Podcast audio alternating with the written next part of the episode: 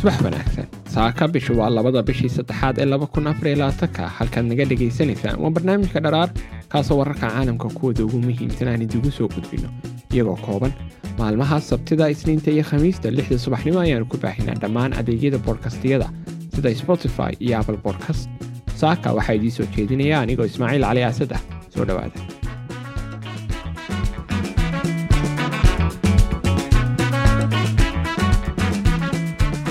dalka iiraan ayaa waxaa looga dareeray doorasho codayn baarlaman oo cusub wakhtigan oo iiraan ay xareeyeen dhaqaale xumo iyo xadid xorriyad dhinaca siyaasadda ah. Doorashada maalinta jimcaha ee shalay toro loo dareeray waa tii ugu horeysay ra'yiga dadweynaha si rasmi ah uga mateli doonta tan iyo mudaharaadyadii ka socday dalka iiraan ka dhexdiisii kaas oo qalalaasihii ugu xumaa ay galay dalka iiraan laga soo bilaabo ilaa maanta wakhtigaas oo u dhacay kacaankii islaamiga ahaa. Saraakiisha iyo hogaanka sare iiraan ayaa dadyowga ku booriyey inay dhiibtaan codadkooda laakiin goobaha codbixinta ee caasimada dalka tahraan ayaa u muuqday kuwa ay yar yihiin codbixiyaasha.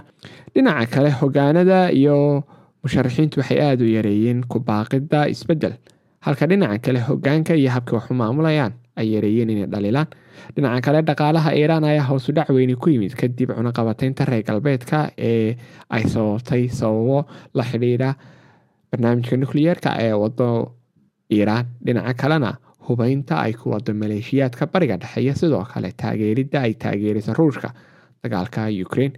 Qaar ka mid a codbixiyaasha oo la hadlay telefishinka aljaziira ayaa waxa uu sheegay waxaa jira dhibaatooyin badan waxaanu mar kale ku celiyey waxaa jira dhibaatooyin aada u badan. Dhinaca kale waxay sheegtay codbixiyo kale waanu murugeysannahay waana dhaleecaynaynaa inta karaankeena ah. Ilaahay ciidamkii kuwa naga mas'uulka waxay bilaabi doonaan inay naga fikiraan. Kolay qaar badan oo iyaga ka mid ahay wayna danayaan waa inay naga fikiraan. Ku dhowaad shan iyo toban kun oo musharax ayaa u tartamaya kuraasta laba boqol iyo sagaashan xubnood ee baarlamanka iyadoo lagu magacaabo golaha wadatashiga islaamiga ah. Iyaga oo ka mid ah boqol iyo lix iyo toban keliya ayaa loo arkaa inay yihiin musharaxiin dhexdhexaad ah ama wax ka bedel doon ah. Kuwa dalbanaya isbeddelka xagjirka ah waa la mamnuucay. Iyaguna kuma ay mashquulin inay shaaciyaan musharaxnimadooda. Marka loo eego diidmo adag oo ay sameeyeen hogaanka sare ee iiraan khubarada ayaa filayay inay soo baxaan codbixin hoose iyadoo sahanada rasmiga ah ay soo jeedinayaan keliya boqolkiiba koob iyo afartan iiraaniyiinta xaqa u leh inay codeeyaan inay ka qayb qaadan doonaan doorashada.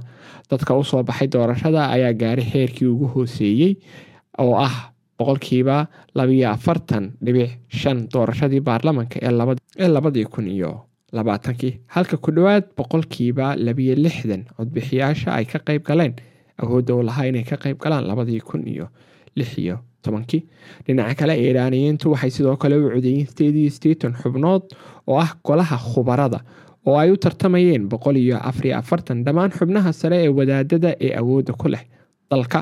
Doorashada golahaasu ayaa noqon karta mid muhiim ah sababtoo ah waxay go'aamin kartaa jihada mustaqbalka ee iiraan sida ay sheegtay sina tosi oo ah xubin sare oo u adeegta xarunta siyaasadda caalamiga ah. Golaha khubaradu waa hay'adda magacowda oo kormeereysa hogaamiyaha ugu sareeya kaasoo leh go'aamaha kama dambeysta ee dhammaan arrimaha siyaasadda diinta iyo amniga ee dalka iiraan. Waxaanu sidoo kale aljaziira u sheegay in khumeyni uu xukunka hayay tan iyo kun sagaal boqol sideetan iyo sagaalkii. Waxaanuu raaciyey hadalkiisa waxaa jira werwer laysla dhex marayo oo sheegaya in laga yaabo inuusan noolaan karin ama cimrigu aanu u saamixin dhammaadka muddada golaha soo socda oo ah sideedii sanaba mar taasoo macnaheedu tahay in golahani dooran doono hogaanka cusub ee iiraan. Doorashadani maaha mid saameyneysa oo qura markaa doorashada baarlamanka dhexdiisa oo qura balse waa mid saameyneysa hogaanka iyo habka dalka oo dhan loo maamulayo ama qofka maamulayaba aynu dhaxne saaka intaas ayuu inoogu eegyahay barnaamijkeenu maalin qurux badan oo fiican ayaan dhammaantiin idiin rajeynaynaa nabaday